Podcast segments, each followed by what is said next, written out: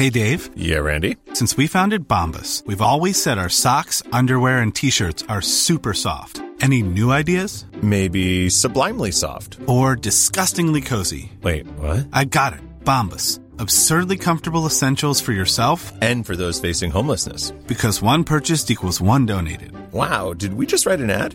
Yes. Bombas. Big comfort for everyone. Go to bombas.com slash ACAST and use code ACAST for 20% off your first purchase. Quality sleep is essential. That's why the Sleep Number Smart Bed is designed for your ever evolving sleep needs. Need a bed that's firmer or softer on either side? Helps you sleep at a comfortable temperature? Sleep Number Smart Beds let you individualize your comfort so you sleep better together. JD Power ranks Sleep Number number 1 in customer satisfaction with mattresses purchased in-store. And now save 40% on the Sleep Number limited edition Smart Bed for a limited time.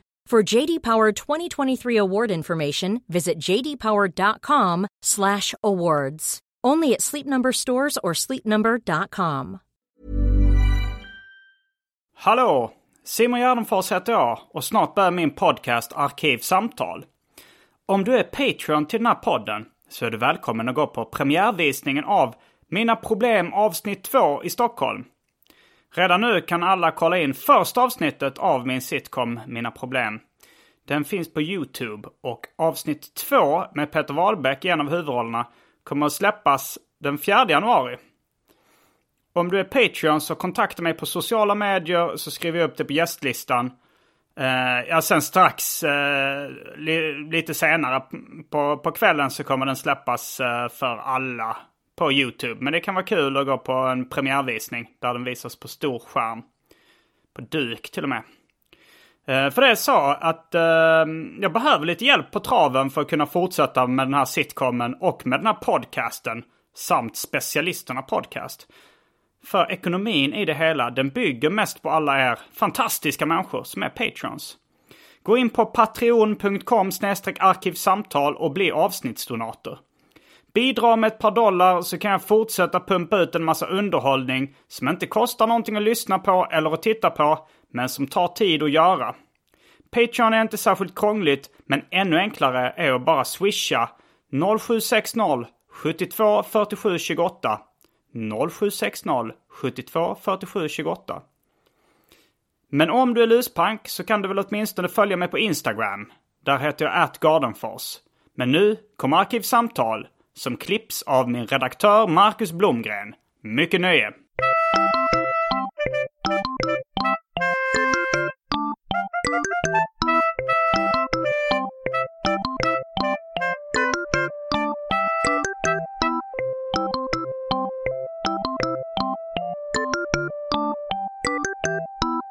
Hej och välkomna till Arkivsamtal. Jag heter Simon Gärdenfors och mitt emot mig sitter Anton Mr Cool Magnusson.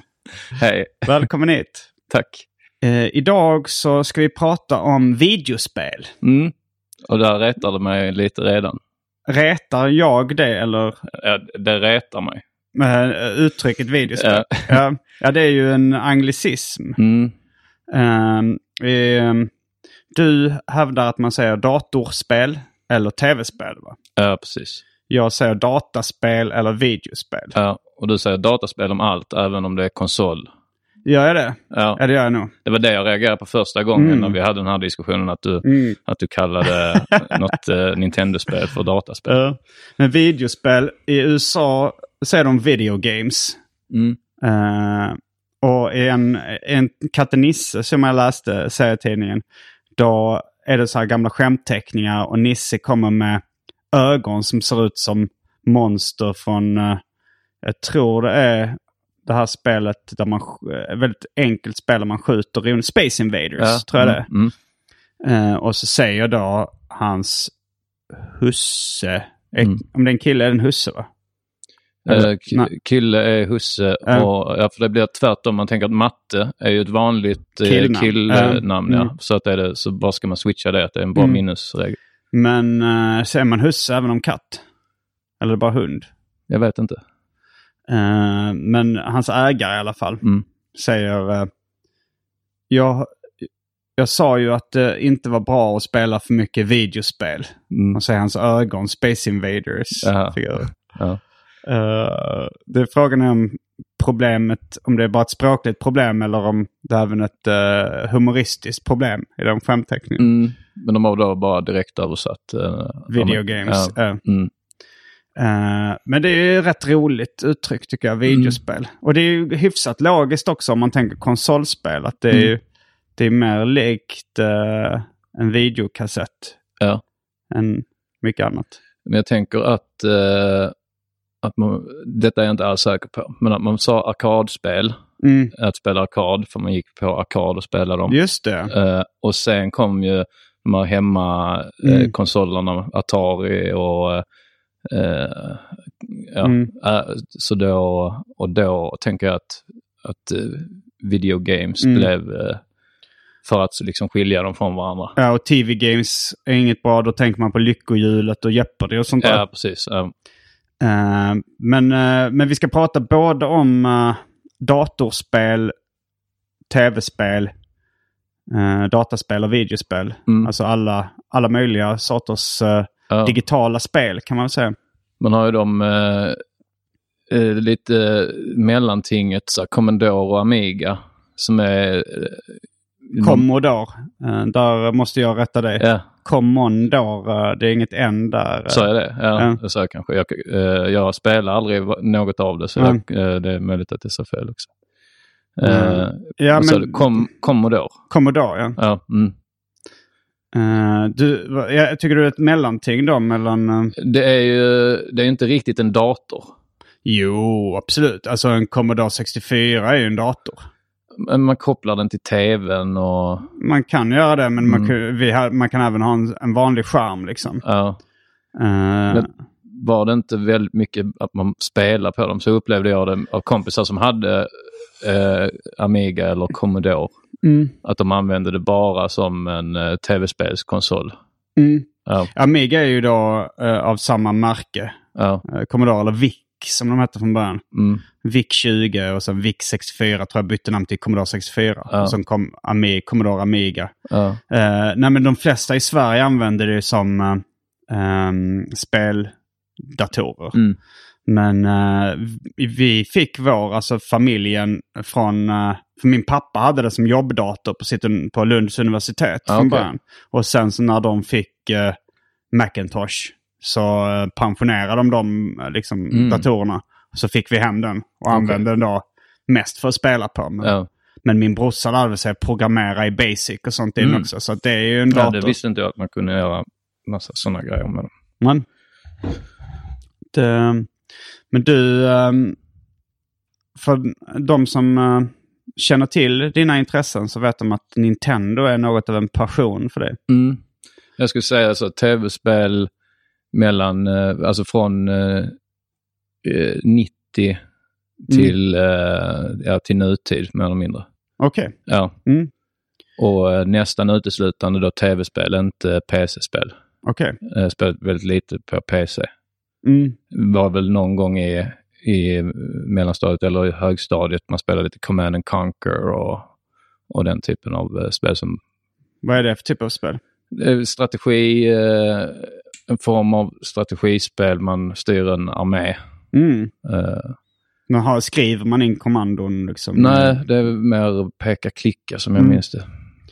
Eh, ja, jag tänker innan eh, vi kör igång på allvar så har det blivit dags för det omåttligt populära inslaget Välj drycken.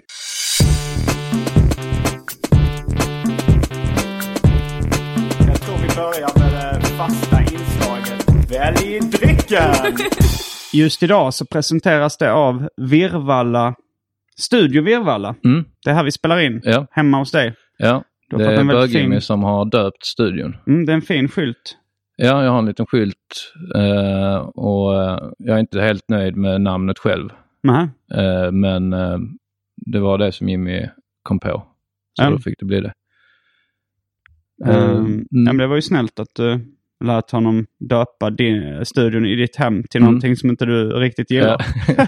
ja, jag irriterar mig rätt mycket på det. Det går ju att byta, det går ju att byta namn på den. Ja, men det är väl lite att man får... eh, lite som att du har det här att, eh, att du jobbar med att inte rätta folk. Mm. Eh, så kan jag också känna att jag får jobba med att inte få min vilja igenom. Jaha, tycker Ja. du du har haft problem med det? Att, att du tycker, alltså så att du är van vid att få din vilja igenom och tycker det är jobbigt? Kanske inte, inte mycket mer än eh, de flesta. Nej. Men det är inte ett eh, så jättebra drag alltid. Att alltid, att så- för ofta vilja ha det på sitt sätt. Nej. Att, det, att, det, att det kan vara rätt så... Men det, det är också en skön känsla i att, eh, att liksom släppa någonting och låta, låta någon annan eh, få bestämma. Mm. Eh, man känner sig eh, som att man utvecklas lite. Mm. Så, eh, men eh, jag skulle ljuga om jag sa att, jag, att det inte irriterar mig. så då går man och blir bitter och sur istället. Att det är så som ett äktenskap. Att man så här, låter frun få sin vilja igenom men man går och knyter handen i fickan. Knogarna vitnar Ja. i rockaren. Eh, ja, men vad finns det för um, dryckesalternativ i Mm. din lägenhet? Då ska jag ta fram det och samtidigt hämta min snus. Mm. Ska du ta fram alla alternativen eller ska du bara... Jag tar fram dem. Okej. ja, mm. Oj, oj, oj, oj, oj, här finns det grejer. Carlsberg, Carlsbergs Danish Pilsner. Jag ser Coca-Cola eh, Zero. Jack Daniels Tennessee Whiskey. För tråkmånsar och nejsägare.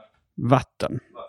Mm, ni kanske hörde Anton i bakgrunden här. eh, För tråkmånsar och säger vatten. Eh, Listerin, Total Care. Det är kanske lite väl flippigt att använda det som dryck.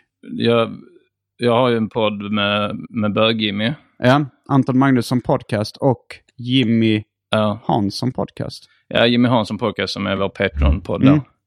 Då var det ett gäng i Helsingborg, ett gäng lyssnare, Mm. som bjöd in eh, Bög-Jimmy till hemmafest. Ja. Ett gäng liksom i 20-årsåldern. Mm. Eh, och då fick jag ett samtal från dem dagen efter. eh, att Jimmy hade gått och slängt ut eh, frön, tror jag. Och eh, han hade även då eh, bjudit på Listerin-shots. Som skulle dricka. Tror han har blandat vodka och Listerin som man skulle Mm, dricka. Han var flippig. Mm. Han var så Eh. flippig så att gick det då hela varvet runt. Ja, jag tycker, eller jag tycker nog det var, alltså för att han, är sån flippig. Han är inte, alltså om man tänker så här en, eh, om jag tänker en sån kontorsnisse liksom. Mm. I, som, är, som är ganska stiff till vardags. Ja. Men som ska vara lite flippig och bjuda på Listerin-shots. Ja. Då tycker jag att han är så flippig att han blir en tråkmåns. Mm. Men jag tycker att, ehm, att Jimmy är så flippig som person i original. Så att det blir nästan som i matematiken, att det dubbelt negativa blir positivt. Ja, att han blir, han blir flippig. Ja. Det blir på plus. Ja, men jag håller med för att han, eh, han har ju vissa sådana saker för sig som egentligen eh, skulle, som eh, om någon annan hade gjort det hade man upplevt det bara som eh, hipster-klyschigt. Mm. Att, eh, men jag upp, när Jimmy får för sig att börja brygga eget öl så upplever jag inte det som hipstrigt. Liksom, Nej. utan att det här känns också som att han har inte riktigt koll på de trenderna riktigt. Ja, han är förmodligen påverkad av, av Jo, utan jo, såklart. omedvetet. Mm. Men det, han, är, han är mer en kuf än en hipster. Ja. Jo, han är en kuf. det var min dröm att bli en kuf. Ja, du pratade lite om att bli en kuf. Det, Ja. det är också lite relaterat till, ehm, till eh, dagens tema. Ja. Men vi kanske först ska välja varsin dryck eller två Ja. eller tre. Mm. Eh, och, eh, Är det jag som fortsätta. gäst som väljer först eller? Mm, det kan du göra. Eh, jag tar nog lite whisky Mm. eh, och sen tar jag nog en öl till whiskyn. Ja, det låter... eh, Ska du ta whisky cola eller bara whisky? Nej, bara, bara pyttelite whisky tänkte jag. Men Jag tror jag kör samma grej faktiskt. Då är vi eh, snart tillbaks efter upphällningen av dryckerna. Så får du säga till om du vill ha mer. Eh, Drycken. va? Nej, det var en, en väldigt eh, dålig ordlek. Mer drycken, jaha. Um, Jag brukar köra, den klassiska är att om någon säger japp så säger Mm. någon Snickers. Jaha, Om, någon, om, om, om någon säger mer så säger någon Festis. Jaha. Så brukar, om någon säger japp så brukar jag säga Festis. Ja, jag, var, vi, jag gjorde ju serien eh, DJ Röv tillsammans med eh, David Liljemark och Kalle Törn. Och jag kommer ihåg att eh, det var ett skämt, en stripp som David Liljemark var väldigt mycket emot. Mm. Att den skulle publiceras. Eh, men jag tror det var Kalle som hittade på den. Och den, det slutade med att eh, David Liljemark blev nerröstad. Eh, att den blev publicerad. Och det, skämtet var Uh, japp, jag fick i Daiman.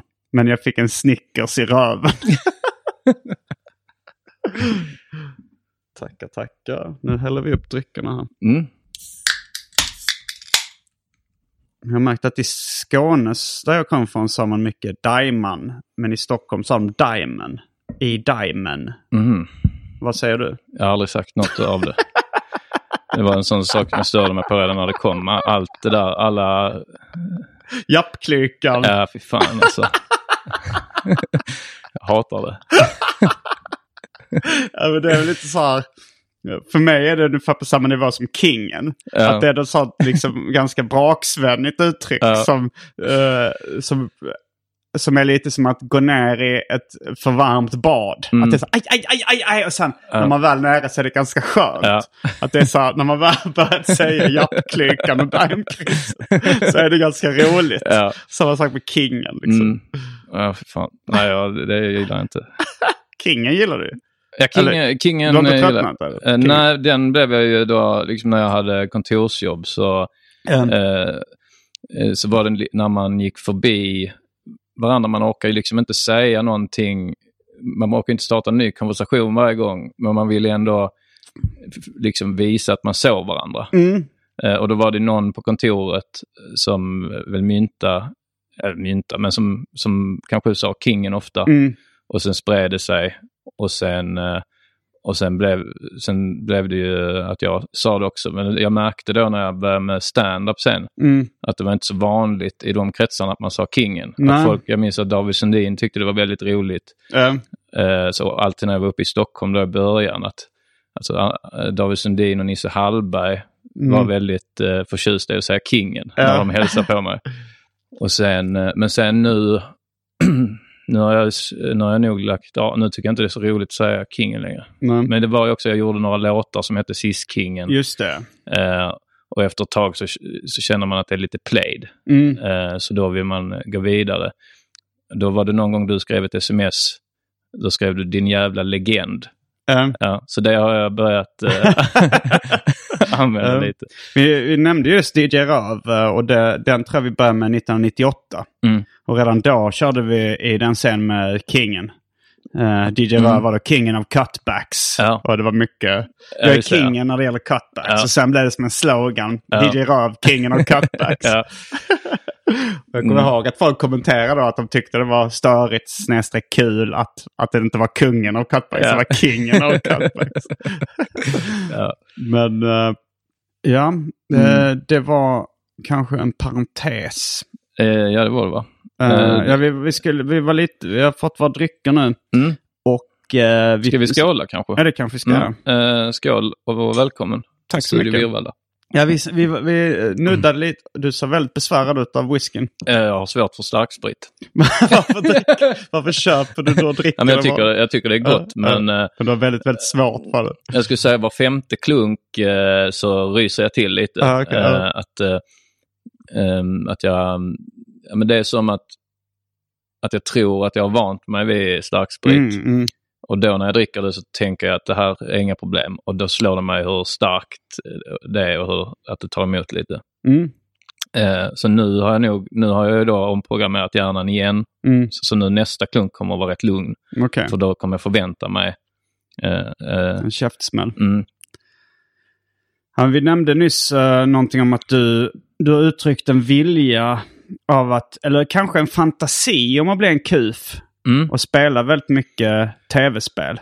mm, det var när jag tänkte på framtiden. Ja, vi pratade lite om så här det här, jag är ju 40 och du är 35 nu eller? Mm.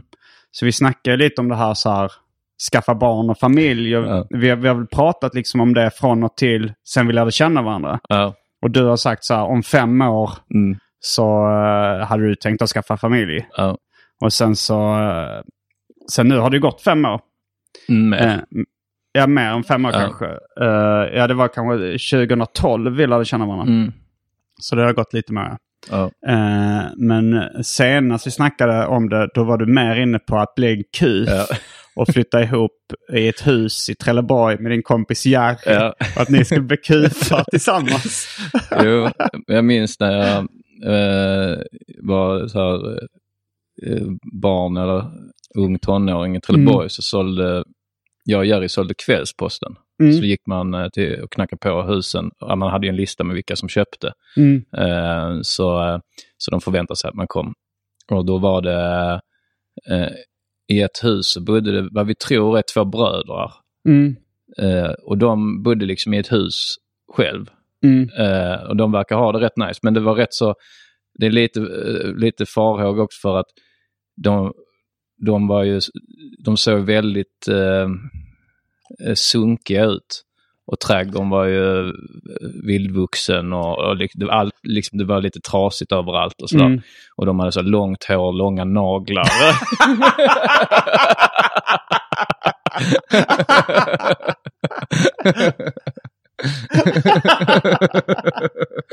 Ja, men Allt det här uh, går väl lite i linje med att vara en kuf. Mm. Eh, och det är det, jag, jag vill ju inte bli så kufig att jag blir helt äcklig. Liksom. Eh, jag vill inte få långa naglar och, och långt stripigt hår. Liksom. Men det Eh, känns som att ha allt, att ha sin hygien i toppform och liksom allting väldigt rent och sånt. Då blir man mer psykopat än kuf.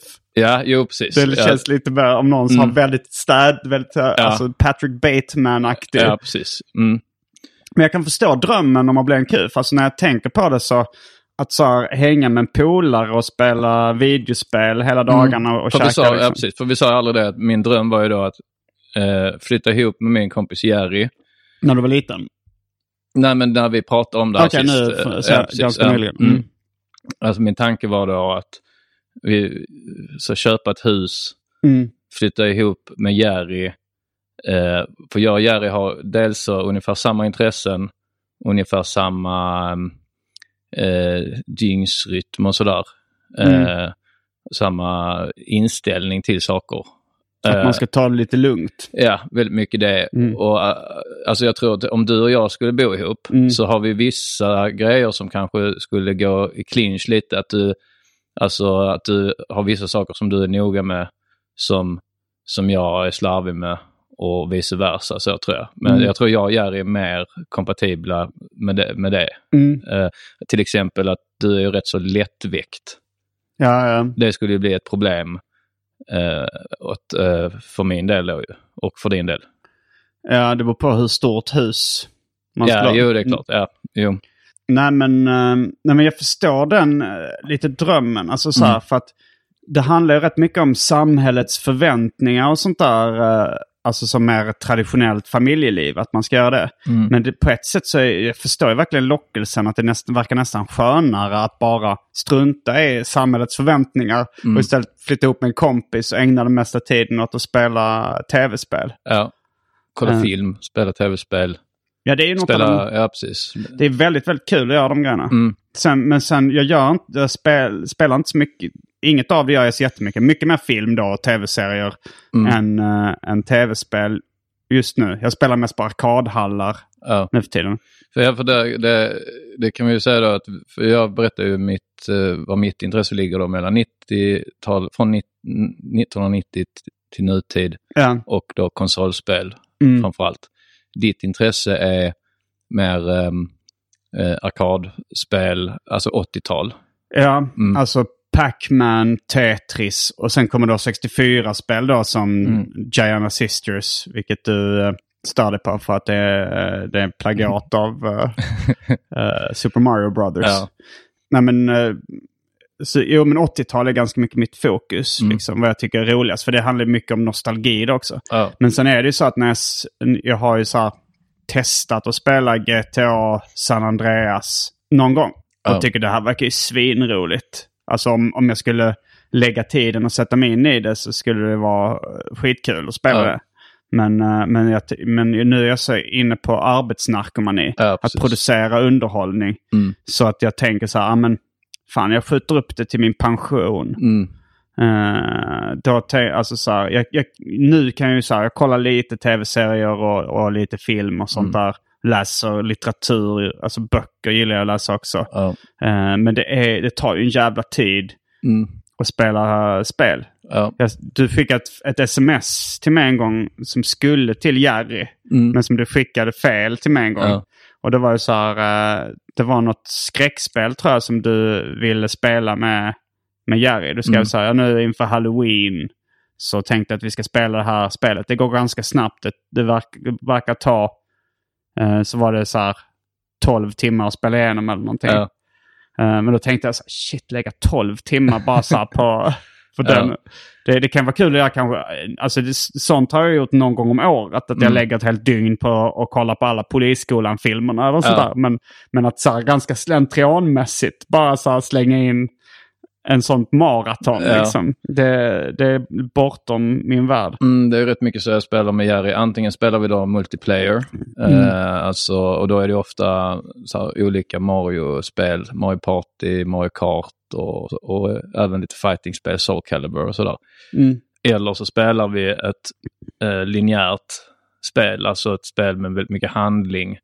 Inte så här open world som, eh, som GTA eller eh, senaste Zelda, utan att Det är mer som en film där man kan göra lite egna val. att det, ja, det är mer som, eh, ja, det kan man ju säga. Vi spelade här, eh, Detroit Become Human är ju väldigt mycket som en film. Att där är det ju mer en interaktiv film. Men sen eh, spelar vi Last of Us som är ju, det är ju väldigt mycket tv-spel. Att man, eh, man ska smyga och man ska skjuta och man ska lösa pussel och sådär. Men det är också en väldigt eh, bra story och eh, mycket story. Mm. Så då blir det ju lite, så då, och, och de spelen som är då runt mellan 12 och 16 timmar, Mm. de kan man ju beta av ihop på en helg. Ja. Eh, eller en vardag. Mm. Eh, men eh, på, på ett par dygn liksom. Så jag och Jerry ses ju ofta så sover han här. Mm. Så då kör vi, det blir en, lite som ett LAN liksom. Mm. Eh, man, att han är här i två dygn och så Ja. spelar vi ett spel. Ja men jävlar vad mysigt det var. Alltså jag brukade köra det ibland lanaktigt med, med då Kalle Törn och Commodore 64 när vi var hyfsat små. Eller vi Mm. gjorde det väl när vi var liksom uh, unga tonåringar. Men Mm. sen så någon gång också när vi var lite äldre tonåringar så var det så att man liksom spelade eh, en hel natt. Och det, Mm. var, det kommer jag ihåg som en av de så här, ja men några av de så lyckligaste stunderna i mitt liv har varit liksom kopplade till det här myset kring Mm. Commodore 64-spelande. Ja. Jag kommer ihåg någon gång, men det var så här, jag, då var jag nog barn liksom och skulle sova över hos Kalle Törn också. Och hans mamma sa så här att, ja men nu måste ni lägga. Ni får inte vara liksom, eh, ni får inte vara uppe hela natten. Mm. Eh, och då, men då så, så här, uh, laddar man in ett väldigt roligt spel. Jag tror Mm. det var Kickstart 2 som var så här, ehm, ja, det, man kunde vara två spelare samtidigt då, så körde man motorcykel över olika hinder. Mm. Eh, och så laddade man in det. Det tar rätt lång tid att ladda. Det kunde ta kanske 20 minuter, en halvtimme ofta att ladda ett Commodore 64-spel. Ja. Om man inte hade turbo 30 gånger som man fixade efter ett Mm. tag. Och då gick det snabbt. Och så, så var det en röd lampa som lyste när, eh, när liksom datorn var på. Ja. Men så kunde man lägga liksom en väska eller någonting över datorn så man inte såg att den Mm. röda lampan lyste. Så gjorde vi det. Och sen när det blivit helt tyst när föräldrarna somnade. Då gick man upp och spelade Commodore 64 hela natten. Ja. Och det, det var ju så fruktansvärt mysigt. och sen kommer jag ihåg någon gång också när vi var lite äldre. Liksom, och jag bara, jag tror jag fått en Commodore 64 eller liksom hade, hade kommit över någon. Eller hittat min gamla. Och jag är rätt oteknisk så här, men, men Kalle var över i vårt hus då och liksom lyckades koppla in allting. Och, och bara när den sattes igång, Ja. eh, när man såg så här, fan det här funkade. För det var ganska mycket roddigt med sladdar och tonhuven och, Ja. och skit liksom. Och då kom jag ihåg att jag fick en sån stark euforikänsla. Bara, Mm. Yes! nu ska vi bara komma igång och spela här igen. Ja. Eh, ja, det är svinmysigt ju. mm, Jag hade en sån, ja, min, mina, när jag växte upp så här, min, eh, mina, vår, vår granne då var lite så extra mamma till mig. Jag var, hon hon eh, jobbar natt mm, eh, och när jag var barn hade jag också rätt svårt att sova. Mm. Så jag minns att man sprang in där och kollade på, för hon, de hade väldigt mycket så här att de kopierade, när de hyrde film Mm. så, så hade de så två videoapparater, de minns man Mm, kunde det, kopiera ja. filmen. Så det var väldigt mycket film som man satt där och tittade på, eh, eh, Frankenstein och sånt med, eh, med henne då. Eh, och, eh, men, och, och jag var kompis med hennes, är fortfarande kompis med hennes systerson. Mm. Och, som inte bodde, han bodde inte i Trelleborg men han var nere där och hälsade på rätt ofta. Mm. Och då var det en kväll vi spelade, de satt nere och drack grogg liksom, det var väl lite festtillfälle. Eh, och så satt vi på ovanvåningen och spelade, eh, jag tror det var Tom och Jerry Till Nintendo? till Nintendo 8-bitar. Mm. Och det var jävligt svårt. Men så hade vi lyckats komma till sista banan och det var Mm. rätt sent. Och då kom hon upp och de hade väl druckit lite och så tyckte, så tyckte hon att ja, men nu är det dags att lägga sig. Klockan var mycket. Mm. Så, bara, eh, så minns jag väl hon trycker in den här knappen på Nintendot. Liksom, så nu är det dags att Ja, ni avsluta. var på sista banan? Mm. Fan. Eh, och, då, och då är det ju på Nintendo, man, när man trycker in den händer inget. Det är först när man släpper. ja, ja, ja. Så hon märker vår reaktion, liksom att vi börjar skrika. så hon får stå så då eh, med fingret. eh, eh, för, vi, och vi förklarar för henne liksom efter vi har skrikit att, eh, att det är sista banan och det har tagit skitlång tid att komma hit. Om det, Mm. eh, vi kommer aldrig lyckas komma hit igen. Så då får hon stå så och då står, hon är ändå schysst och står där ett tag. Mm. Liksom. Eh, så vi får prova banan några gånger. Men vi, Mm. ja, vi lyckas ju inte. Och sen till slut får hon väl nog och säga nej nu, nu kan jag inte stå kan här inte längre. tejpa fast den eller sånt där? Nej, det lyckades vi inte. Jag vet inte om vi försökte ens. Men- Utan, eh, mm.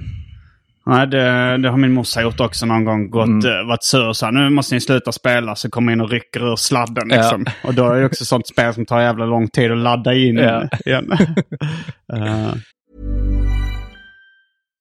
Hi, I'm Daniel, founder of Pretty Litter. Cats and cat owners deserve better than any old fashioned litter. That's why I teamed up with scientists and veterinarians to create Pretty Litter.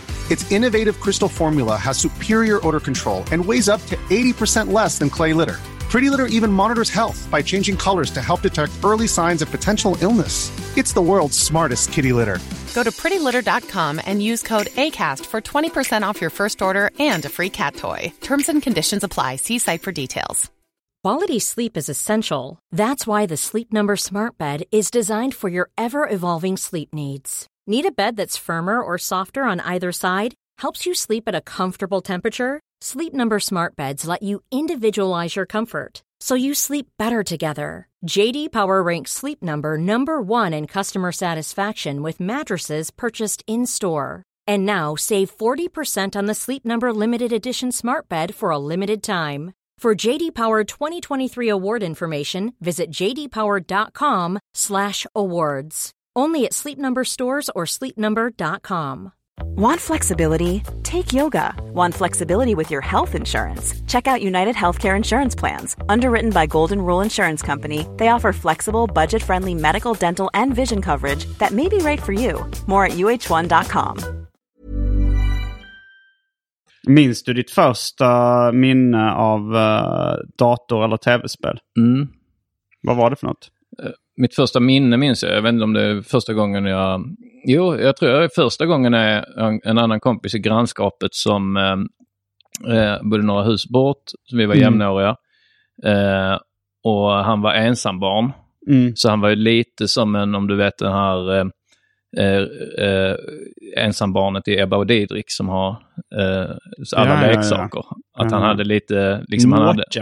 Mm, Som, eh, ja vi träffade den skådespelaren. nu, va? Ja, Mm. det var ju, eh, vad heter han nu igen? Micke Lindgren. Ja, så är det. Mm. Mm. Och han hade en sån, jag vet inte vilken konsol det var. Det var bara, jag tror bara det var det här Pong liksom på det. Mm. Och då var jag väldigt liten. Så det minns jag att jag tyckte var häftigt att man kunde styra. Eh, Okej, men det var så old school liksom. För att det känns Mm. som att om du, du är fem år yngre än vad jag var Mm. och det låter som att han måste ha varit väldigt gammal. Men det, det var ändå innan Nintendo 8-bitar kom. Ja.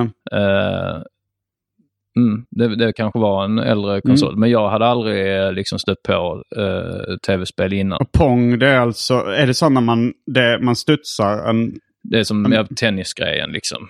Eh, Ja, det- heter man är två- Det är en boll man- och så är det två plattor Okej. på varsin sida och så ska man Mm. bara liksom...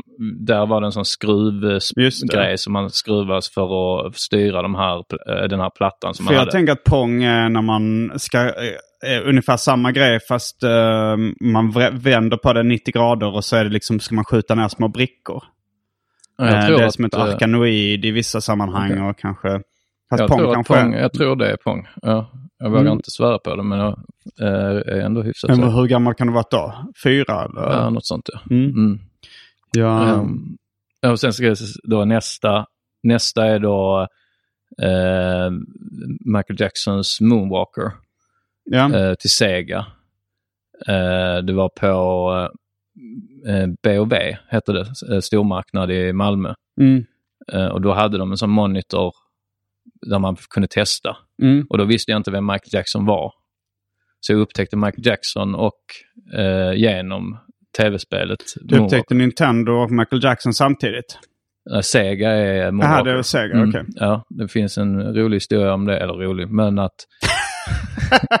att Chocksänker förväntningarna på den här ja, men historien. den är intressant, ska jag säga. Mm. Att, att eh, om du lyssnar på, jag tror det, om det är Sonic 2 eller Sonic 3, om du lyssnar på musiken Mm. så kan du höra spår av eh, låtar som sen eh, eh, hörs på eh, Michael Jacksons platta History. Mhm. Eh, och detta är liksom inte, det är inte helt konfirmerat liksom.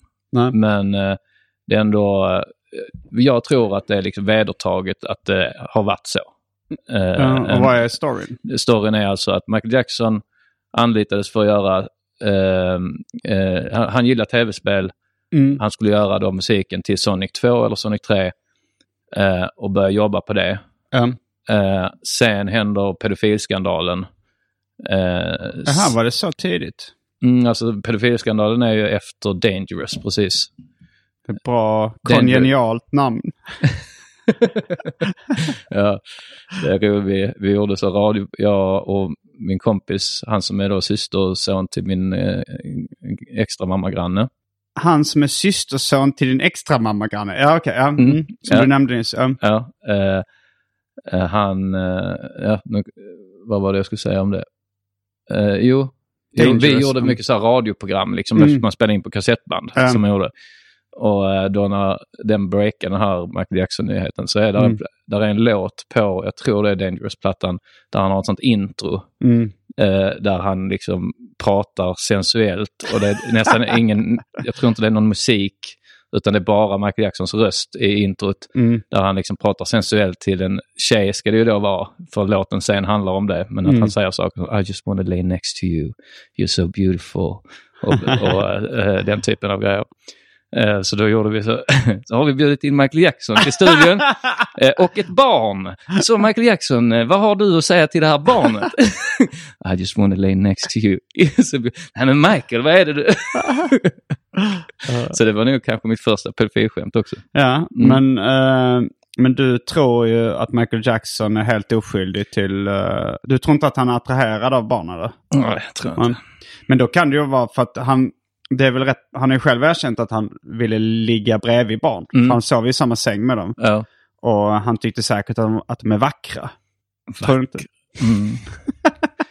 Alltså jag tänker att han, att han, eh, alltså jag tänker att han, att han är som en... eh, Men jag tycker barn kan vara vackra också. Alltså, Ja. Jag tycker inte de är sexiga. nej. eh, men men de, kan ju vara ett barn kan Ja, ha men ett jag tycker nästan det låter äckligare att säga... så jag vill inte riktigt säga själv, det låter så äckligt. Ja, det låter ju äckligt, Ja. det kan jag känna. Men om jag ska Vacker är som mo, alltså det är så, vacker känns som, som moget liksom. Mm. Att, att det krävs en mognad för att vara vacker liksom. Ett vackert barn. Törnrosa var ett vackert barn är en Ja, sångtext. jo, jo eh, ja, jag har hört det. Mm. Mm, men eh, Men tror du inte Michael Jackson kunde tycka att barn var vackra? eh, det kunde han kanske ja. Eh, men ja, men jag tänker att, han- att han mer eh, då är fast i, i någon form av så prepubertal, alltså kanske mm, att jag kan tänka mig att han har eh, runkat bulle med, med 11-åringar. Mm. Men inte för att han har liksom tänt på se på dem. eh, när de gör det. Utan att han har gått igång på liksom att den här barndomsgrejen som eh, den teorin om att han, att han eh, inte hade någon barndom. Mm. Men Mm. du tror han tänder på... eh, alltså du tänker att han är som en så här 12-årig pojke i hjärnan. Att han tände på Pamela Anderson liksom. Mm. Jag tror han satt var liksom, hetero liksom. De borde väl ändå hittat barnporr när de gick igenom Neverland Ranch. Mm. Liksom när de gjorde det när det skulle vara den här, eh, eh, var det andra rättegången eller första, så gjorde de ju husrannsakan. Mm. De hittade bara vanliga porrtidningar. Mm. Eh, och, och, det liksom, och det råder väl inget tvivel om vad jag har förstått att han har liksom suttit och kollat porr med eh, 11-åringar, liksom, 11-åriga killar. Mm. Eh, och det, jag tycker det låter lite som att han bara, eh, ja, att han inte riktigt fattar att så gör man inte. Nej, jag är inte helt insatt i det. Men Mm. eh, om, jag, om jag bara skulle satt, sätta mina sista pengar på det så skulle jag nog gissa på att han åtminstone var attraherad av småpojkar Mm. sexuellt. Ja. Men jag är eh, inte på det klara med om han har begått något sexuellt Ja. övergrepp. Jag eh, gillar ju honom så mycket att jag ger ju honom benefit of the doubt. Ja. Eh, så, Och jag tycker ju hans musik är trist. mm. Men du, så upptäckte Sega innan du upptäckte Nintendo? måste jag ha gjort det, ja, precis. Sega kom ju med 16-bitar konsol några år tidigare än vad Nintendo gjorde. Så för den här Moonwalker var till eh, deras eh, 16-bitar konsol. Vad hette den? Alltså den hette, är det den som heter Genesis i USA och eh, Mega Drive i, ehm, i Europa? Mm. Jag tror det. Eh, för, sen, för sen var det bara Nintendo för hela slanten. Men för Nintendo 8-bitars NES och sånt måste ju kommit innan. Det väl? Eh, NES kom först, ja, 8-bitars. Och det, det upptäckte du inte? Nej men det kom, ja men eh, jag spelade då, då var nog det här Sega eh, Mega Drive, var nog Mm. väldigt nytt. Men Ja. det kom ju, eh, det kom ju flera år innan Super Nintendo. Mm. och Nintendo 8-bitar fick jag väl kanske då samma år som jag upptäckte Sega eh, Mega Drive och spelade, Mm. stod på B&V och spelade eh, Moonwalker. Ja. Och då, och då kanske det var att jag började ettan. Och, och så började man träffa kompisar och så hade de Nintendo 8-bit. Och så önskade jag mig Nintendo 8-bitar i, i, eh, i, i födelsedagspresent. Mm. Och så fick jag det. Så då var det ju att jag spelade Nintendo. Mm. Men frågan var om jag mindes min första, så TV, mina Ja, första ja, tv-spelsminnen. Och då är det det här Pong och sen då Michael Jacksons Moonwalker. Mm. Vad är ditt första tv-spelsminne då? Det finns två, antingen, jag minns inte om det först var liksom när... eh, eh, jo, vänta. Jag har, jag har två väldigt tidiga tv eller datorspelsminnen då. Mm. Det första är nog ett uh, tv-spelsminne egentligen. Eh, det var när vi var, min familj var i USA. Och vi var hemma hos eh, en svensk familj som Ni bodde... bodde där ett tag? Vi bodde i ett halvår tror jag, eller något, något sånt. I Kalifornien. När jag var, när jag var sex år tror jag. Det var från början. Mm. Det, och då så var vi hemma hos en svensk familj. Som hade då eh, någon form av spelkonsol. Atari eh, skulle jag gissa då att det är. Det är inte omöjligt, för det var- väldigt stort i, eh, I USA. USA. Ja. Jag minns att vi spelade Pac-Man då. Mm. Och, eh, och det, var, det här var nog, eftersom jag var, jag tror det kan ha varit 83 vi var i USA. Mm. Att, eh, åt- 84 kan det ha varit kanske. ja, det är precis, eh, då precis innan eh, kraschen. Vilken krasch? Ataris krasch? Videospelskraschen. Mm. Vad var det för krasch? Det var eh, att det blev, var svinstort med eh, Atari och tv-spel. Mm. Fler och fler utvecklare. Eh, det var enkelt att göra spel. Mm. Det fanns ingen kontroll heller från eh, Ataris håll på vilka spel som kunde släppas. Så det kom det fanns ingen kontroll på... kontroll, ingen kvalitetskontroll. Nähä, de bara... Så släpptes väldigt, eh, det började pumpas ut spel. Mm. Eh, och eh, sen är det då droppen som fick bägaren att rinna över är ju då eh, E.T. Mm. Spelet E.T. som då är känt som världens sämsta spel. Mm. Att eh, det liksom eh, då eh, pushades ut, skulle ut innan jul. En programmerare eh, får sitta liksom i, i fyra dagar Var det fyra dagar? Alltså det var en väldigt kort period. Alltså, Mm. jag, jag tror det var i varje fall ja, men en vecka, en vecka eller två eh, Mm. max. Det var löjligt kort tid och att han satt eh, själv och gjorde det också. Mm. Och, eh, så, och så släpptes det och så var det ju svindåligt. Var det Lucas, George Lucas spelföretag som släppte det? Eh, vet inte om det var... Ja, vänta, det, det, det, är det är Spielberg. Spielberg som har gjort ja, ja. i men Mm. eh, men jag vet Steven Spielberg uh, promotade. Mm. Han uh, satt i intervjuer och sa att det var ett av de bästa spelen han spelat. och då är det ju då att, att det floppar fullständigt. De har liksom tryckt upp hur många, eh, en, liksom, hur många spel som helst för att, sälja och så floppar det helt. Mm. Eh, och sen så har, och så har de begravdes det i, någon, sån, i öknen, alla de spelkassetterna. Ja, det Eh. finns något annat sånt rykte om, ehm, om något spel där de tryckt upp svinmycket för många och som de sen, det fanns en parkeringsplats utanför någon, någon studio eller något sånt där, Mm. Ja. där det sägs vara väldigt mycket eh, alltså så här, överblivna spel. Jag vet inte Ja. om det är IT-spelet eller någonting annat. Känner Okej. du till den här storyn? Eh, nej, eh, men det det låter, ju som, eh, det låter ju som IT. Ja, det men, skulle kunna vara det. Men, det, men jag, fan, jag har hört det också om att det, liksom, det finns en sån att de under den parkeringsplatsen så ligger det, har de begravt. Ja, och jag vet inte hur det är om de har hittat dem nu eller om, om det fortfarande bara är en sägen. Mm. Men i varje fall, och, så, så då, och det måste väl vara där någon, omkring när du bodde i USA, precis innan kanske. Mm. Eh, jag vet inte när, exakt när det, men det var ändå mitten 80-talet eller något sånt. Och sen, jag till, sen, och, och då var liksom tv-spelsmarknaden helt död. Ingen ville satsa på det. Och, eh, men Nintendo hade gått rätt bra i Japan Mm. med sin Famicom. Och så, Famicom? Ja, som då Nintendo 8-bitar heter i, i, eh, I Japan. I Japan. Mm. Eh, den ser lite annorlunda ut. Det är en sån toploader. En toploader är om du tänker dig som Super Nintendo, att man sätter i spelet Mm. Och så ska de satsa då på amerikanska marknaden, Mm. eh, Nintendo. Och då är den helt död så det är ingen som riktigt vill satsa på det. Och det är där den här Nintendo-roboten Rob kommer ifrån. Jag vet inte om du skulle känna igen den om du såg en bild. Så första Nintendo eh, första Nintendo, det är därför de, döpte det också till Nintendo Entertainment System. Mm. För att eh, eh, video games var så ute liksom. Mhm. Att, eh, så att de döpte det till Entertainment System och så lanserade de det ihop med en liten plastrobot som kunde liksom snurra på huvudet. Man kunde, till vissa spel kunde man sätta kontrollen i hans händer så kunde han spela mot en. Jaha. Väldigt primitivt liksom. Eh, Han var en, Men det här blev aldrig stort i USA och Europa eller var det bara Japan? Nej, det, eh, Rob gjorde dem speciellt för att lansera Nintendo i eh, USA. Okej. För ja. att de visste att eh, tv-spel i USA var så dött. Mm. Så du kunde inte bara lansera en ny tv-spelskonsol. Ah, så du döpte den till. Entertainment System. Mm. Det var också den här eh, pistolen tror jag också var till. Ja, till Duck Hunter. Duck Hunt, ja.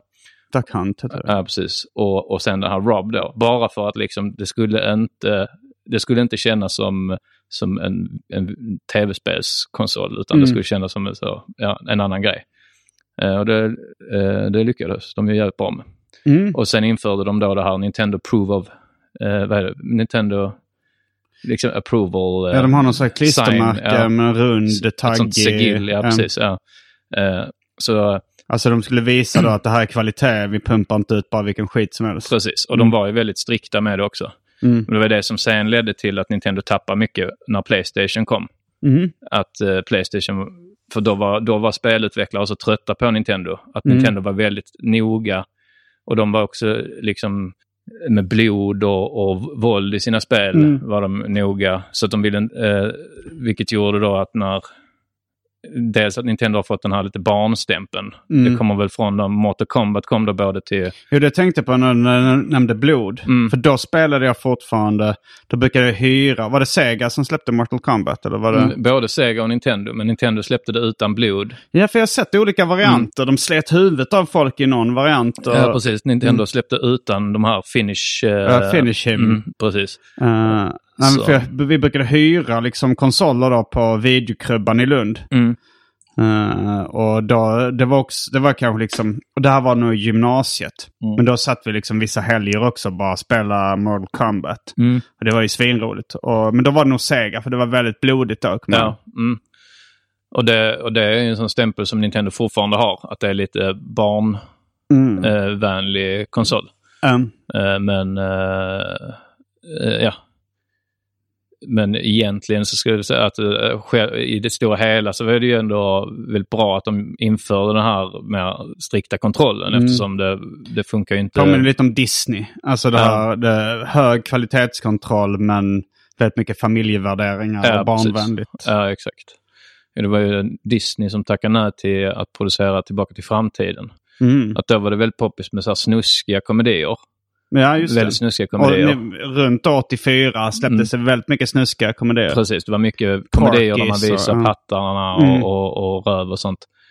Eh, Så alla andra bolag sa att men det här, den här Tillbaka till framtiden komedin den är för, det är för liksom familjevänligt och Mm. liksom det, är inte, det är inte inne nu, det ska vara eh, snuskigt. Mm. Förutom Disney då som sa att det här är för grovt, vi kan inte Jaha, producera det det var här. precis emellan. Ja, Mm. för att, du, det här, ja, för att han då, eh, hans mamma blir kär i honom i filmen. Ja. Just det. Mm, så det tyckte Disney var för, eh, för snuskigt. snuskigt, Ja, så ja. de hamnade precis där i gränslandet. Men vilka var det som sen producerade? Jo, sen var det att ehm, det var så att eh, de, för att Steven Spielberg hade eh, hjälpt eh, Robert Zemeckis då, som, och Bob Gale som har gjort Tillbaka till framtiden-filmerna. Mm. Eh, han hade producerat deras två tidigare filmer Mm. eh, och, och båda de hade floppat. Mm. Eh, Vilka så- var det? Eh, är det Used Cars är nog en av dem eller om det Jag är osäker. Mm. Men, eh, och då vill eh, och, och, och Steven Spielberg var på att producera Tillbaka till framtiden. Mm. Men eh, Robert Zemeckis kände att, att det kändes för jobbigt. Alltså en tredje flopp eh, till, till vill han inte liksom utsätta sin kompis Steven Spielberg för. Eh, så, eh, och då hittade de ingen annan som ville finansiera den. Eh, Robert Zemeckis fick erbjudande om att eh, göra här eh, Romancing the Stone med eh, Michael Douglas, tror jag det är, som är en liten Indiana Jones-aktig film. Den heter Jakten på den försvunna stenen eller något sånt. På svenska kanske. Men det låter ju som en Indiana Jones-film. Heter inte den Jakten på den försvunna skatten? Alltså? Ja, ja. Ja, Men jag tror att den svenska översättningen då är väl det- att det är meningen att man ska få lite Indiana Jones-vibbar. Mm. Jag är inte säker, men, Nej. eh, men eh, det låter lite så. Men Romancing the Stone som då blev en stor hit. Och efter han hade då regisserat Romancing the Stone, då var det många bolag som ville producera hans nästa film. Mm. Och då sa, eh, då sa Robert Zemeckis, men då känns det, då känns det som att, att då går vi till den personen som har velat producera den hela tiden. Mm. Så då kände han sig plötsligt lugn med att låta Steven Spielberg eh, eh, Och producera. vad var det för bolag då? Som, ja, som... då är det väl Dreamworks, va? Är inte det Steven Spielberg? Jo, det låter rimligt. Ja, jag tror det. Mm. En annan rolig historia om Tillbaka till framtiden är mm, att eh, man, när man spelar in en film så har man ju då liksom musik som när man visar liksom när man gör en snabb ihopklippning och kanske testvisningar av scener eller hela filmen så har man ofta liksom placeholder music liksom. Mm, Att mm. man kanske tar klassiska stycken och så. Men, Och Steven Spielberg, liksom det han var väldigt så envis med var att eh, eh, det ska vara John Williams ska göra musiken till Tillbaka till framtiden. han är väl den mest eh, hyllade musik, eh, Ja, filmmusik. Det är Star Wars Ja, och mm. Indiana Jones och Mm. Jurassic Park och så vidare. Är det, ja, men varför, men ehm, Robert Zemeckis vill ha, är det Zimmerman eller Alan Silverstreet kanske? Eller något sånt heter han, som har gjort musiken då till Forrest Gump och, och Tillbaka till framtiden. Eh, Det där vet du bättre än jag. Ja, men eh, ja, med reservation för att jag har nog glömt hans namn. Men kan, jag, jag skulle gissa Alan Silverstreet, något sånt. Mm. Men han då, eh, och sen så när de har testvisningen för Steven Spielberg första gången. Mm. Eh, Steven Spielberg antar att det då är, em, är placeholder music. Mm. Eh, och han har satt sig emot att så här, vi ska inte ha Alan Silverstreet. Mm. Eh, och, och så visar han den och så, så lutar sig Steven Spielberg över till, eh, och då är det ju hans musik, Mm. liksom den, den som sen är med i filmen. Det, och så lutar sig Steven Spielberg till Robert Zemeckis och säger Det är sån här musik. Det är sån här musik som John Williams hade kunnat göra till det.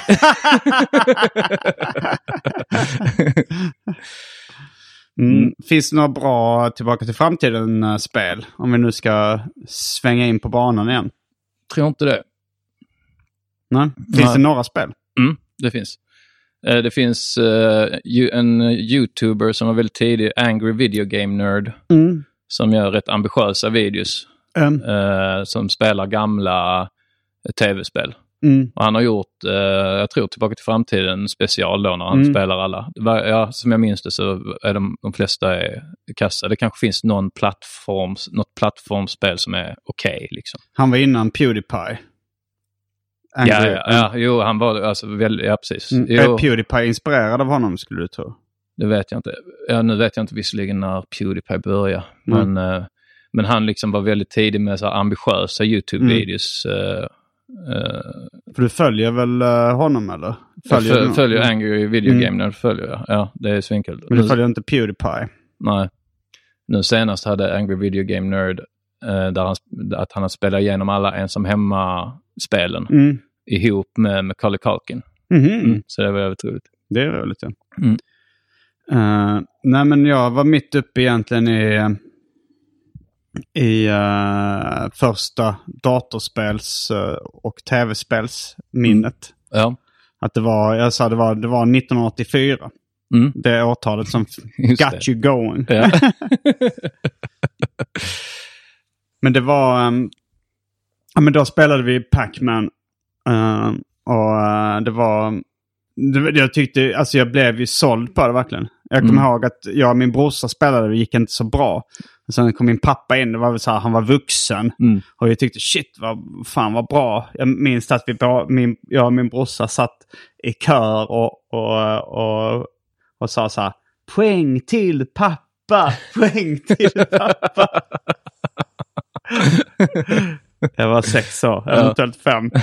Eh, men sen så var det så här, när vi åkte in till San Francisco så kommer jag ihåg att eh, man såg liksom en stor jävla Pac-Man uppe på skyskraporna. Mm. Det var verkligen sån hype. Ja. Och vi fick välja, eh, vi fick köpa varsin, uh, varsitt paket eh, söta frukostflingor. Mm. Och då valde jag Pac-Man-flingorna. Ja. Och det gick på tv, liksom också tecknad Pac-Man. Det var sån Pac-Man-craze Ja. då. Och det är fortfarande ett av mina favoritspel. Mm. Ehm, men jag tror att det kan vara tidigare än så som jag spelade då Masken. På Alltså min Snake. Snake kanske det heter på engelska. Eh, ja, alltså, är det det som är liksom... i- Jag upptäckte det väl genom Nokia 3310. Att det var alla, man hade Snake på mobilen liksom och alla spelade Mm. Ja, Snake. det kan det vara. att- Alltså det är ju då en, den blir längre och en längre. mask som blir längre och längre. Ja, så ska man inte Ja. köra in i väggarna eller sig själv. Ja, just det. Men, ja, men jag kommer ihåg att jag var på besök. Det här var förmodligen då tidigare än vi har spelat Pac-Man i USA. Mm. Men det, här, det var inte riktigt samma känsla. Det är lite mer avancerat än, Ja. än Snake. Uh, men då tror jag det hette, det kall, alltså min pappa innan de fick Commodore 64 så hade de ABC80-datorer på Mm. Lunds universitet. Och då så, så eh, när jag var sjuk eller någonting så fick jag liksom, eh, då kunde jag inte vara på dagis så då fick jag gå med någon av mina föräldrar till jobbet. Mm. Ibland. Och då var jag liksom, eh, satt han där och jobbade och jag fick spela masken. Mm. Och så kommer jag ihåg att, eh, att det stod liksom så här, eh, det var nog på svenska liksom att det stod så här. Bra jobbat när man klarar en level liksom. Mm. Eller så här. Bättre kan du. Ja. Och sånt där. Och så kommer jag ihåg att eh, min pappa sa så här. Vänta lite, jag ska bara göra en grej. Och så satte han sig och liksom... Vad jag nu i efterhand har förstått var att han satte sig och programmerade lite. Mhm. Men det tog en sån jävla tid. Alltså det var väl ur ett barns per- perspektiv tycker man allting tar lång tid. Ja. Men jag kommer ihåg att jag satt där i en evighet. Ja. Och sen när han var klar så var det att han hade programmerat att det stod så här. Istället för bra jobbat så är det bra jobbat Simon. Tyckte du det var värt den väntan? Nej, inte riktigt. Jag hade nog förväntat mig mer. ja, ja. Mm. Så de två eh, var liksom mina tidigaste. Mm. Men sen fick vi då, jag tror det var till och med, alltså när jag var då sju eller någonting. För det var typ när jag började skolan. Då spelade jag redan Commodore 64. Ja. Och spelade vi Snobben, Snoopy-spelet och Spy Hunter och det var ganska många tider. Bruce Lee, det var tid Bruce Lee-spel som var Mm. rätt kul också. Mm. Och något sånt skrivspel som heter Zork. Där man liksom, som var ett rollspel liksom, där man kunde skriva in. Okej. Vad skulle du säga är din starkaste eh, spelupplevelse någonsin? Ja, jag, jag har ju de här, eh, de här euforikänslorna liksom där, där man spelar Commodore 64. eh, mm, eh, när jag och Kalle Törn spelade. Det är nog liksom eh, de som jag nämnde i början av podden. Ja. är nog de starkaste. Mm. Du har ju inte nämnt ditt favoritspel ännu i den här podden. Ja, Jag svarar då på min egen fråga. Mm. För då kommer det mitt favoritspel också. Ja. Ehm, men eh, det, jag vill ändå nämna uh, Ocarina of Time, Zelda. Om man pratar så starka spelupplevelser. Det är Nintendo. Mm, det är Nintendo. Ja, Mm. Nintendo 64. Ja. Så det är första 3D-Zelda. Mm. Eh, så första gången när man kommer ut på Hyrule. Vilket år kom det? eh, det kom, kan det vara 98? Skulle jag tro. Mm. Ja. Första gången man går ut på det här Hyrule eller Hyrule som man sa då innan man visste. Mm. Eh, första gången man går ut på fältet.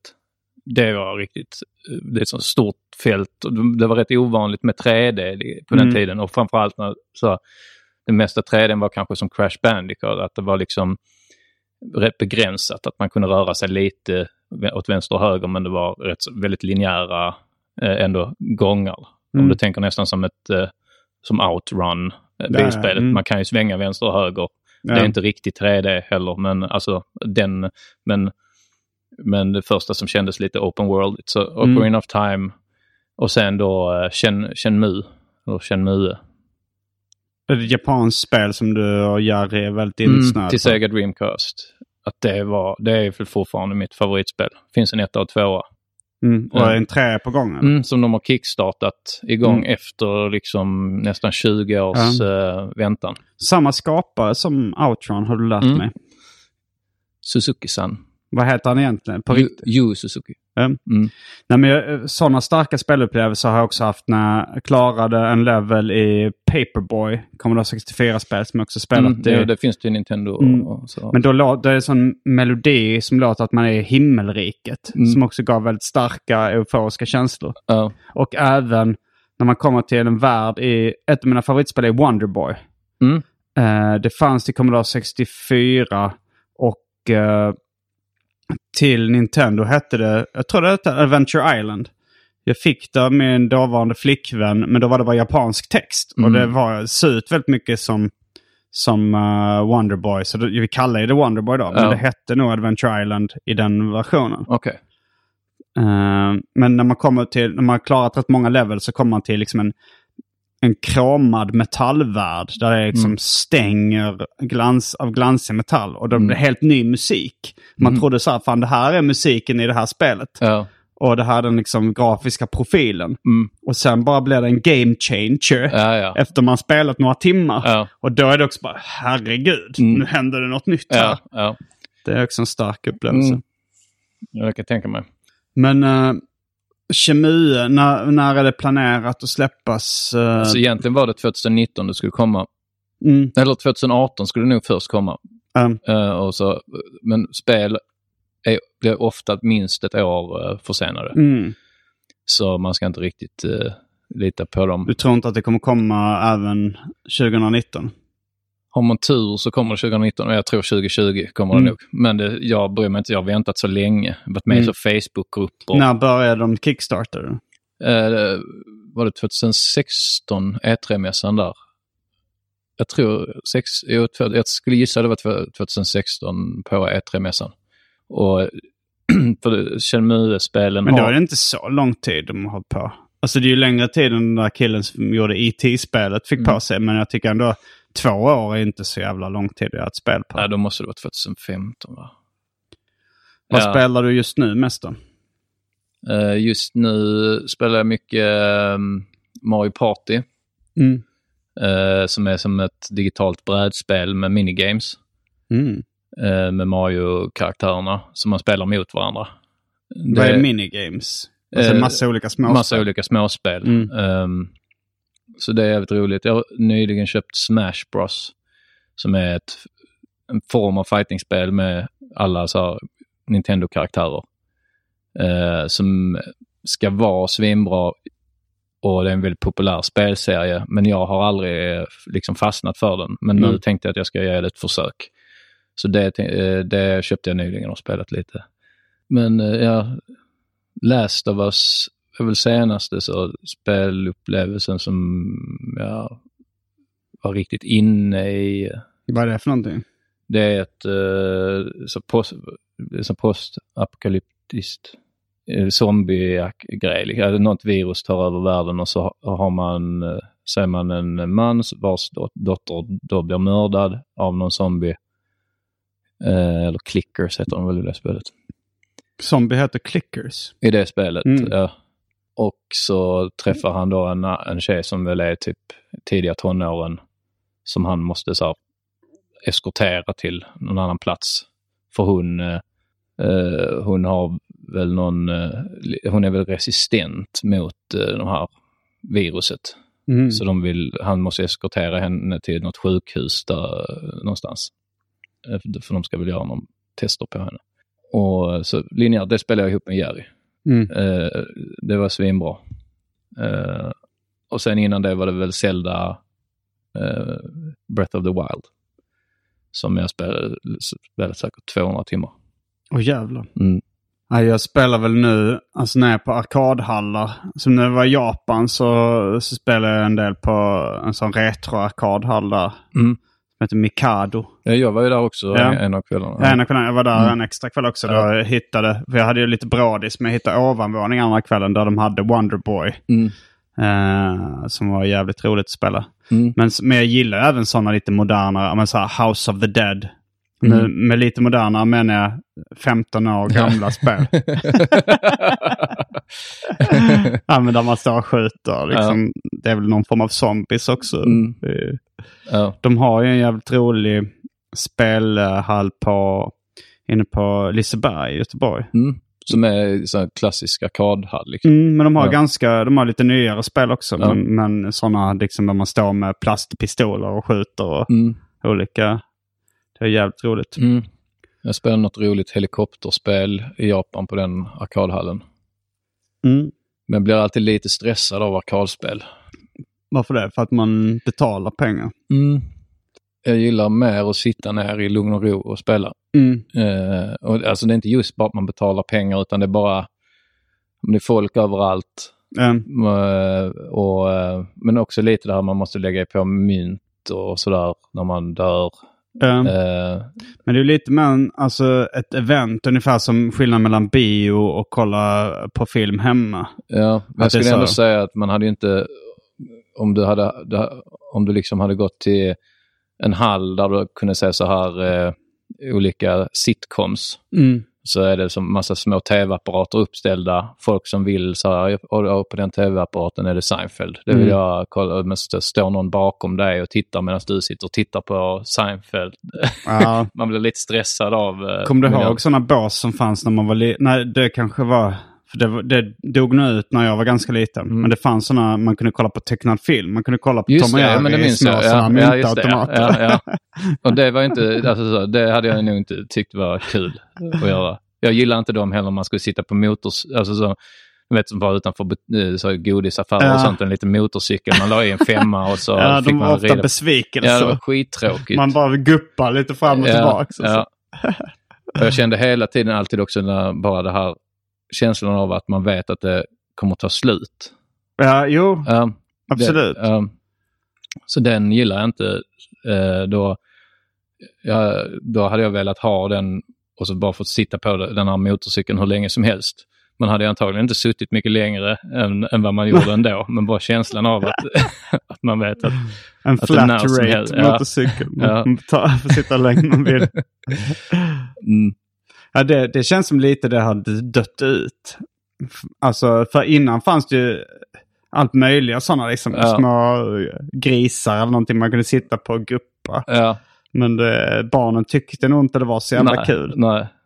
Det var en primitiv form av underhållning. Ja, det måste ju vara att, eh, att det har blivit så, finns så mycket mer underhållning nu för eh, att, att det är svårt att konkurrera med liksom en iPad eller Ja. eh, eh, något sånt. Mm. Mm. Och med de orden Mm. så avslutar vi veckans avsnitt av Arkivsamtal. Jag heter Simon Gärdenfors. Och jag heter Anton Magnusson. Fullbordat samtal.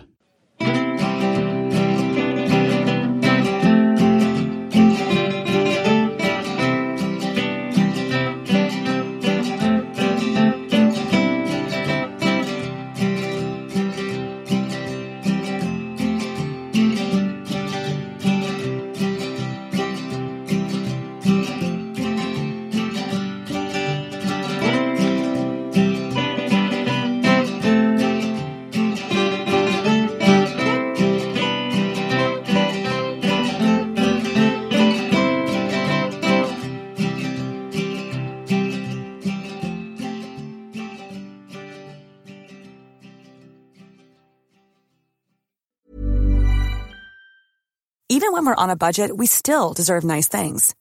Quince is a place to scoop up stunning high-end goods for 50 to 80% less than similar brands. They have buttery soft cashmere sweaters starting at $50, luxurious Italian leather bags, and so much more. Plus, Quince only works with factories that use safe, ethical, and responsible manufacturing. Get the high-end goods you'll love without the high price tag with Quince. Go to quince.com slash style for free shipping and 365-day returns. A lot can happen in the next three years. Like a chatbot may be your new best friend. But what won't change? Needing health insurance. United Healthcare Tri Term Medical Plans are available for these changing times. Underwritten by Golden Rule Insurance Company, they offer budget friendly, flexible coverage for people who are in between jobs or missed open enrollment. The plans last nearly three years in some states, with access to a nationwide network of doctors and hospitals. So, for whatever tomorrow brings, United Healthcare Tri Term Medical Plans may be for you. Learn more at uh1.com.